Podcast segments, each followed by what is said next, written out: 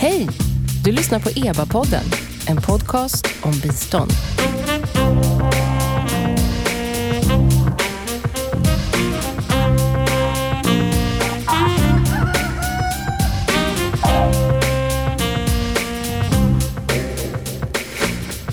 Välkomna till EBA-podden, kära lyssnare. Jag heter Nina Solomin och bakom den här podcasten står EBA, Expertgruppen för biståndsanalys, som är en statlig kommitté som utvärderar och analyserar svenskt bistånd.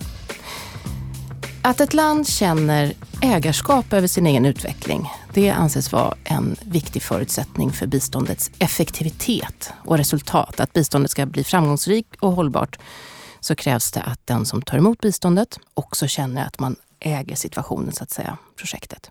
Och i år, 2019, så är det faktiskt 50 år sedan ägarskap lyftes fram som en viktig vägledande princip eh, för internationellt utvecklingssamarbete i en rapport av något som hette Pearsonkommissionen. Men världen ser ju väldigt mycket annorlunda ut idag jämfört med fem decennier sedan. Och detsamma gäller ju även utvecklingssamarbetet. Så idag har jag samlat tre spännande gäster för att prata om just ägarskapsprincipen. Vad betyder den inom biståndet idag? Och hur arbetar Sverige med den mer konkret? Vilka utmaningar finns? Först ut på banan är en nestor, Gun-Britt Andersson. Välkommen! Mm, tack så mycket. Tack. Eh, jag tänkte att du ska få äga din egen presentation. Kan ja. du säga något om vem du är? Ja, tack. Jag, är, jag har precis slutat som vice ordförande i EBA. Eh, efter tio år som pensionär faktiskt från jobb på Utrikesdepartementet och Sida och på andra ställen. Eh, men jag är en flicka från landet, från en by på landet som fick bra utbildning i bra skolor, i bra gymnasium i Mora och sen kom till Uppsala när, när liksom världen vidgades och alla möjligheter fanns på 60-talet. Och, och, och där började ett internationellt engagemang. Och ett engagemang som förstås då handlade väldigt mycket om kamp mot kolonialism och stöd till befrielserörelserna. Som ju det yttersta ägarskapet, man måste få äga sitt eget land till att börja med, innan man kan göra någonting. Du har ju också varit statssekreterare i omgångar socialdemokratiskt på 90-talet. Ja, eh, och bland annat biståndet har varit en fråga på ditt ja, bord. Dessutom, också, ja. ja. kolla nu, nu, äg, nu tar jag snart över här ja. på ett kolonialistiskt vis. Du är dessutom dvärgpudelägare. Det är jag. Ja, det är jag. Sen tio år, nej, sen elva år tillbaka. Mm. Och så har vi Karin Metell Kueva här. Eh, hur vill du presentera dig om du äger din egen presentation? Eh, ja, jag är ehm, medarbetare på Sida, chef för en enhet för kapacitetsutveckling eh, och har jobbat inom biståndet eh, i över 20 år. Den största delen av tiden på Sida, till och från, ute på ambassader och jag har också jobbat inom FN och som konsult. Så är jag en, också en biståndsräv, om än lite yngre än Gun-Britt. Vilka länder har du levt i? Eh, jag har jobbat i Centralamerika, bott i Nicaragua, Honduras och i södra Afrika, i Mosambik. Så sammanlagt tio år i fält, som vi kallar det för. Mm. Och så har vi Anna Tiblin här. General... Äg din egen presentation. Jag höll på att avslöja det. Du kanske vill komma ut som något helt annat än Ja, tack för den möjligheten. Ja, Anna som sagt. Jag eh, skulle också vilja presentera mig som en, en flicka från landet, om man nu får vara en flicka om man har fyllt 50, men eh, som väldigt tidigt eh, gick med i olika föreningar, starkt föreningsengagemang, engagerad i internationella frågor. Och eh, det ledde så småningom till ett, ett stort engagemang också i biståndet. Eh, jag har bott eh, i olika länder runt om i världen, har jobbat med olika biståndsorganisationer och är nu idag generalsekreterare på biståndsorganisationen We Effect som är den svenska kooperationens biståndsorganisation. Och du vet att Gun-Britt Andersson minns dig från tiden när du var en ung och arg reporter, va? Jag hoppas det. Mm. Ja.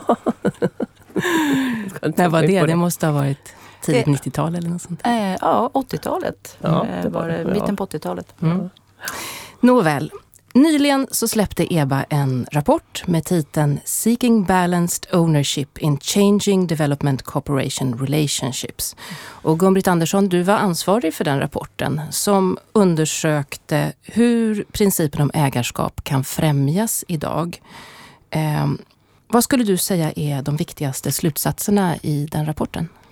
Jag tycker det kanske viktigaste med den rapporten, det är att den visar hur väldigt annorlunda biståndet ser ut idag, eh, än vad vi hade föreställningen om hur det var. Till exempel när Parisdeklarationen kom om, om ägarskap och, och att, att, eh, att det skulle, om, om relationerna mellan eh, givarländer och, och, och, och mottagarländer. Eh, för då, man liksom, vi hade föreställningar att bistånd handlar om relation mellan stater eller mellan regeringar och i viss mån också civila samhället. Men vad den här rapporten visar är att, att biståndet idag är, är liksom ett nätverk utav väldigt mycket annorlunda annat sorts bistånd som går alltså genom, eh, genom internationella organisationer, genom sådana här eh, som Bill Gates och genom, genom, genom eh, eh vaccinationsprogram och sånt där som är fonder som går och gör specifika saker i länderna. Inte jobbar direkt liksom för att bygga kapacitet i länderna utan för att lösa ett specifikt problem. Och det här är ett problem i ägarskapssammanhang. Att, att det är så Eh, ja, både på givarsidan och mottagarsidan är det så en oändlig massa aktörer idag jämfört med vad det var när biståndet var ungt. För då var det mycket mer bilaterala samarbeten, alltså mellan två länder. Sverige och Tanzania samarbetade och då kunde man ha mycket mer koll på hur ägarskapet Ja, såg man ut. kunde ha förtroende för varandra och göra saker. Och det, det, det, måste man komma till igen, därför att det blir ingen utveckling. Det blir ingenting som fungerar på lång sikt, om inte de som, som, som är tänkta ska beröras utav, utav olika projekt och insatser, är de som har koll på läget och som kan liksom ta hand om det och, och, och, och, och att det stämmer med det som är deras behov och möjligheter möjligheter. Men bara för tydlighets skull, så idag kan man säga att eh, eh biståndet är i mycket högre utsträckning multilateralt. Det går via FN-organ till exempel, eller organisationer och kanaliseras liksom ner genom flera mellanled. Ja, ja. Det var ganska mycket multilateralt då också genom FN-organisationer. Men då, då var de kanske ja, lite, lite tydligare styrda också. Att, och, och att, att de, det, det, var mellanstatliga organisationer och som hade tydliga program och som, som, som då också skulle jobba med landprogram i länderna där de var. Va? Nu är det nog mer liksom spritt och, och olika insatser kommer vid sidan av varandra. Eh, Karin Metell Cueva, eh, alltså det tycks ju finnas ett samförstånd kring det här och i Parisdeklarationen som Gun-Britt nämnde också 2005 så betonas det återigen hur viktigt ägarskapet är för biståndets effektivitet. Men, men alltså stämmer det där? Eh, är det verkligen så eller är det någonting som vi bara går runt och säger? Eh, ja, jag tycker att det stämmer och det är en viktig princip och har alltid varit en viktig princip. Eh, Sida tog fram en ny vision förra året eh, och eh, ny vision och verksamhetsidé om varför vi finns, vad vi bidrar med och hur vi gör saker och vilka vi är. Och där står, slår vi fast att vi vet att lösningar alltid måste drivas av de aktörer som berörs och som har förståelse för den aktuella kontexten och eh, för att vara relevanta och hållbara. Så det är en fortsatt viktig princip. Men precis som Gundrit säger så har biståndet förändrats och det är kanske inte alltid en part som vi måste förhålla oss till och en part som är ägare, utan det är fler parter inblandade i det här. Vi pratar ofta om systemförändringar, att åstadkomma eh, förändringar där det finns många aktörer, komplexa samband. Och det är, ja, det är någonting vi måste förhålla oss till. Men alltså, vilken typ av ägarskap talar vi egentligen om här? Det finns ju en sak som handlar om att, ett, om att ett land, en stat, äger sin egen utveckling och kan styra liksom vart pengarna ska gå som man får in utifrån. En annan sak är ju eh, mer på individnivå, alltså att individen äger sin egen... Det finns ju väldigt många nivåer. Vad, vad, vad, vad syftar man egentligen på när man pratar om principen om ägarskap? Ska det vara in till sista led ner till bonden som plöjer sin åker eller? Ja, jag tror att det måste handla om ägarskap. Att den som vill driva en förändring måste också vilja den förändringen. Eh, och jag tror att det är, det är det vi har förstått, att man kan inte komma med lösningar utifrån eller, eller pådyvla någon att så här gör vi i Sverige eller så här, det här är best practice som alltid funkar om inte det löser ett problem som är angeläget för någon. Mm. Nu är det någon. Är det någons telefon som är här eller? Min är på flygplan. Ja. Lennart Wolgemot missar ett samtal. Ja. Då kom han med i podden i alla fall. Jag har lovat honom att vara med någon gång. Ja. Hälsa honom. Ja. Eh, Anna, Anna Tiblin, du företräder en organisation som, som eh, jobbar ju faktiskt med biståndets praktiska genomförande. Eh, håller du med om det här? Att, alltså hur, på vilket sätt tänker ni kring ägarskap, ska jag fråga? Jag kan säga att, att eh, vi menar, och det tror jag vi är överens om här också, att ägarskap är helt avgörande för att, för att lyckas. För att biståndet ska vara effektivt och för att det ska leda till resultat som håller, som är hållbara. Vi får ju vara tydliga med att det finns ju utveckling som man absolut kan åstadkomma utan ägarskap. Men då är frågan, är det den typen av utveckling vi vill bidra till? Eh, I, helt centralt Eh, i vår organisation, det handlar om att vi jobbar tillsammans med lokala partnerorganisationer i 25 länder eh, runt om i världen. Och det är hur kan vi då stödja de här organisationerna så att de blir starkare aktörer för att försvara sina medlemmars intressen. Och det blir oerhört viktigt att i relationen till organisationen se till att det är de medlemmarna, de människorna som berörs, som har satt den agendan. Och det kan ju låta altruistiskt och, och, och svårt. Och jag tror att det viktigaste är kanske att erkänna att det här är svåra frågor. Eh, och precis som Gumbri pratar om eh, den ökade komplexiteten och Karin också, det är så. Men det behöver inte vara dåligt i sig. Utan kanske är det så att vi måste backa och se att det här handlar om relationer, det handlar om samarbete och det handlar om kunskap och att det är det som blir avgörande. Och det betyder att ska vi säkra ägarskap så får vi erkänna att det tar tid och det kostar pengar. Det är lite grann som demokrati. Det tar tid och det är besvärligt att alla ska få säga sitt. Men jag tror att vi är överens om att det blir mycket bättre i längden. Men kan WeEffect eh, som organisation, kan ni ha någon koll på huruvida eh, det blir ett ägarskap in till sista led, så att nästan ner på familj eller individnivå? Kan, kan ni veta det? Eller liksom, ni är ju ett sånt här mellanled, ni pytsar ut pengar och sen så hoppas ni på det bästa, eller? Nej, vi häller inte pengar i ett altruistiskt svart hål och hoppas att det går bra. Utan, utan det är just i samverkan med de här organisationerna, i den dialogen, så följer vi det. Vi ser det på resultatrapportering och så vidare. Men vi ser det ju också i det som faktiskt blir på backen. Eh, och, och eh, ja, Ja, Gun-Britt? Ja, jo, och det där tror jag är väldigt viktigt. Och, och, och så han, när man, eh, de här ja, enskilda organisationer och, och, och rörelser som, som, som BFECT har, har väldigt stor eh, betydelse i biståndet och kan göra väldigt nyttiga saker. Men det ni gör på projektnivå, det är också väldigt beroende på hur det ser ut i landet som helhet och hur politiken är. Och att, att där måste man också eh, vara medveten om att, att det, funkar, det fungerar inte på längre sikt om man inte får en hygglig utveckling, en, en hygglig stat, en hygg, ett hyggligt samhällssystem. Och där måste vi också vara med och främja kapacitet och ledarskap. Och, och det där kan vi ha svårt för idag, därför vi vet att det är massor med problem och det, det, det är korruption och det är allt möjligt. Men på lång sikt så är, måste man jobba med att få institutioner som, som fungerar skapligt. Och Bo Rothstein har ett bra uttryck som är good enough government eh, som, som, som gör att, att en, en regering som ändå eh, de har ändå i allmänhet ett intresse av att det går ganska bra för sitt folk och sitt land. Va? Även om de kan vara, ja, ha, ha lite särintressen också, så tror jag... De är lite småkorrupta, men i stort sett bra. Ja, det ska man inte säga. Men, men, men, men, men man kan inte vara liksom en sån här domare utifrån och sätta sig till doms över allting, utan försöka hitta de sakerna i länderna där man kan satsa på att, att skapa en inhemsk eh, fungerande, fun, inhemskt fungerande institutioner, som då kan släppa fram bra projekt underifrån och sådär. Så det behövs både och. Men alltså, men alltså är det ens möjligt? Många olika länder ger till stora organisationer som sen kanaliserar ut pengarna till flera nästan stora organisationer som kanaliserar ut det till ännu mindre och så vidare. och Så vidare. Så vad säger de här eh, tyska rapportförfattarna till EBA-rapporten som handlar om ägarskap som kom ut nyligen? Alltså, vad, vad, vad, har de någon, någon lösning på hur man ska ta det här steget in i, i en ny syn på ägarskap i en, i en värld där multilateralt bistånd är mycket mm. vanligare. Mm. Gumrit. Och intermediärt bistånd. De? Ja, ja, mellanhandsbistånd. Ja. Jo, de har två viktiga rekommendationer. Och, och, det handlar om att dels behövs det för de här organisationerna en code of conduct, alltså ett, ett uppförande, en uppförandekod.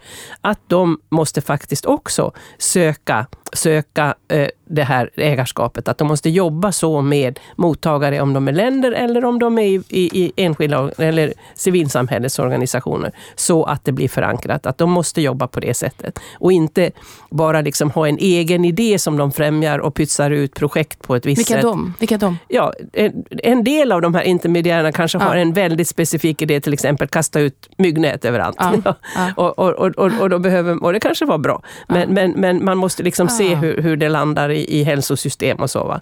Eh, och, och inte för liksom, inte såna här färdigpaketerade saker. Det finns en sån tendens Det ska hos inte de vara färdigtänkt helt det, enkelt. ska, det ska inte vara färdigtänkt, utan tillåta process och göra det ihop med, med, med, med de som ska äga och som ska dra nytta av det här på sikt. Va? Det är det ena. Det andra är att, att i FN så finns det i princip liksom ett, ett ansvar för alla medlemsländer och alla medlemsländer har varit med och, och, och godtagit eh, till exempel de nya, de, de, de nya hållbara utvecklingsmålen, va? 2030-agendan. Men i, i en del av de här vertikala programmen finns inte på samma sätt, i nya fonder och sådär, finns inte på samma sätt självklart deltagande av u-länder. Eller u-länder får man inte säga, det heter... Det sa man på 70-talet. Mot, mot, Ja. ja, det 70-talet. Mot, Partner- mot ja. partnerländer. Va? Så att de, de måste vara med och styra det här, också policyn i de här organisationerna. Och där Ah. finns det mycket kvar att göra.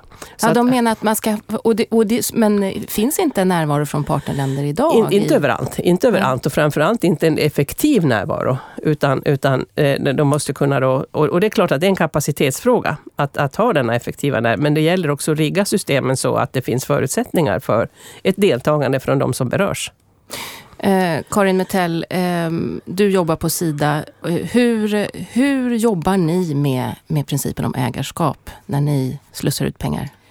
Ja. Ja. Samarbetar? Vi gör det på flera olika sätt på Sida. Vi propagerar bland annat för eh, ganska stor andel kärnstöd som vi tror ger stort utrymme till lokala aktörer. Kärnstöd, förklara kärnstöd. Kärnstöd är när man ger eh, pengar som inte är öronmärkta till en organisation. Eh, så, så att organisationen själv kan få sätta sina prioriteringar. Och det ger stort handlingsutrymme, tror vi, till de organisationerna. Vi propagerar också ofta i samarbete med våra internationella partners för att lokala aktörer eh, ska få utrymme och få vara med på samma villkor. Eh, mina kollegor till exempel på forskningsavdelningen eh, får hela tiden påminna om att lokala forskare, forskare med förankring i våra samarbetsländer ska få ta plats, utrymme, få finansiering och så vidare. Så det är någonting som vi kan göra i vårt samarbete med internationella aktörer.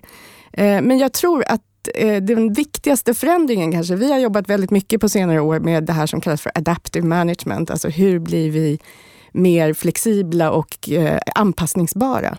Eh, men en av de svårare utmaningarna i det är att eh, kanske inte att vara flexibla, att se att vi kan ändra oss, utan att vara öppna för att vi inte har lösningen från början. Vi vet, vi, vi vet inte hur det här utvecklingsproblemet bäst löses.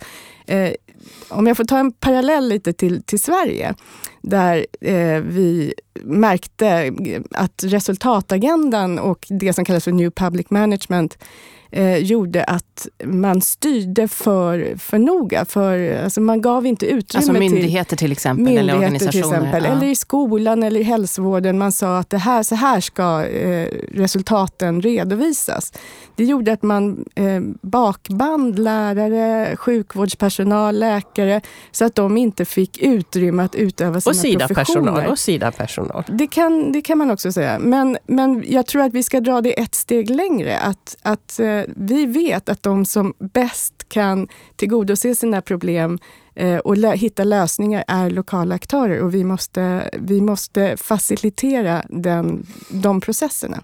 Men jag Hjälpa är lite till nyfiken, facilitera. för det här handlar ju mycket om, om tillit och sådär. Mm. Och jag är lite nyfiken, skulle man kunna hårdra det åt andra hållet? Jag tänker nu med nya digitala betalmedel och så, skulle man kunna tänka sig att Sida bara direkt för över en summa pengar eller WeEffect till, till ner på individnivå? Eh, alltså, skulle det kunna funka att man bara eh, samarbetar eller skänker bort pengar blir det ju faktiskt i praktiken och sen får individen då, som ju vet bäst vad den personen vill göra med pengarna, disponera dem i ett mottagarland? Anna? Det, det finns ju flera exempel på just den typen av kontantstöd. Det finns jättelyckade exempel och det finns extremt misslyckade exempel. Så jag tror att det viktiga är väl att ha öppenheten och följa sig. Vad är det som fungerar? Vad kan vi göra? Det kommer att vara olika saker i olika kontexter. Precis som Karin säger, att vara adaptiva och flexibla och också. Så att i princip absolut ingenting emot att testa det som fungerar. Men vi tror ju att grunden för hållbar utveckling det handlar om människors egen organisering till försvar för sina egna rättigheter och, och behov. Det vill säga att man är starkare tillsammans. Så att just den typen av stöd kanske inte främjar organisering. Men det behöver ju inte betyda att det är dåligt i sig. För jag tänker, det är också lite, tänker jag, eh, det funkar det baseras ju så att säga på en idealbild av hur människor agerar. För människor vet vi ju, de kan ju vara både lata och de kan dricka för mycket och de kan slå sina fruar. Och det kan vara allt möjligt som gör att eh, ja, alltså det individen så att säga tycker är bäst att göra för pengarna kanske inte nödvändigtvis är bäst för individens anhöriga. Så att jag menar, handlar det i grund och botten om, om eh, människosyn eller? Vad säger du Gunnar? Ja, det, det, vi har ju haft ett, ett sånt bistånd på landnivå, eh, budgetstödet. Och, och det, det, det, bygger på att, att eh, man har ett sorts förtroende för landets politik, till exempel på undervisning inom, in, in, inom skolan, eh, för hälsovård och sådär. Eh, och, och, och det har ju visat sig i utvärderingar att, att det funkade ganska bra. Det gav de här resultaten. Men, Funkade bra för fattigdomsbekämpning? Ja, för fattigdomsbekämpning. Mm. Att det blev utbildning av det och det blev hälsovård av det. Va? Men det, det, det var för känsligt därför att man vågar inte ha förtroende för de här regeringarna. Och så fort det liksom, det var ja, till exempel brott mot mänskliga rättigheter som egentligen inte hade med det att göra. Men, men det, var för, det var för svårt för relationen. För politikerna? Ja, för politikerna. Och, för, och, och, och, och, och sen menar jag också att bistånd handlar inte bara om, det handlar om pengar, det handlar om resursöverföring, att, att liksom hjälpa till där det, där, det är mindre, där det finns mindre resurser. Men det handlar ju faktiskt också om lärande och erfarenhetsutbyte och det är en annan väldigt viktig del i utvecklingssamarbetet. Och det kan man också göra på ett sätt som inte är pekpinneaktigt utan där man liksom lär av varandras erfarenheter. Det har vi i vår del av världen gjort hela tiden, till exempel genom OECD där vi har alla möjliga kommittéer, där vi ser vad ska vi ha för politik på utbildningsområdet, hur ska vårt budgetsystem se ut, vad funkar det och vad funkar det och olika utvärderingar. Och sånt gör vi med partnerländerna i syd. Och vi, och vi, det är också viktigt att vi uppmuntrar dem att byta erfarenheter med varandra. Så det är en annan del utav det här erfarenhetsutbytet och kunskapen. Och det görs väldigt mycket normsättning och kunskap i utvecklingssamarbetet och det är en viktig del. Alltså du menar att det är en, sort, en typ av uppföljning, resultatuppföljning ja. också, samtidigt ja, som det är ett lärande? Men där är det det du menar? Ja, men. Där, men där partnerländerna också är med i det där va? och tar mm. till sig det de vill ta till sig och det som tycker att de behöver. Inte ett sånt här där man kommer liksom med villkor för du ska göra så här och så här och här för att få pengar. Så har det också varit i biståndet. Och det, det, det skapar Eh, Eh, det skapar osämja, det skapar missmod och misstro och sådär. Man måste försöka bygga upp förtroendefulla relationer. Då kan man nå resultat. Det är klart det finns skurkar och de får man låta bli att jobba med. Men, men det finns alltid mellan änglar och skurkar och, och, och folk som man kan jobba med däremellan. Anna Tiblin? Eh, kanske viktigt att konstatera att, att ägarskap är inte samma sak som kravlöst. Och det kommer ju, allt bistånd har villkor med sig, eh, någon slags konditionalitet. Och sen får man ju definiera vad man menar med det. Det kan ju vara allt ifrån rapporteringskrav eh, till, som i vårt fall, vi ställer ju krav på att våra partnerorganisationer aktivt jobbar med jämställdhet. Och om de inte gör det så lämnar vi relationen. Därför att om inte vi jobbar för att främja jämställdhet så får vi inte heller de resultat vi vill ha i biståndet. Så, att, så att jag menar, det handlar också om att förtydliga vad vi menar i de här olika sakerna och att ägarskap, det betyder inte kravlöshet. Karin Metellkueva?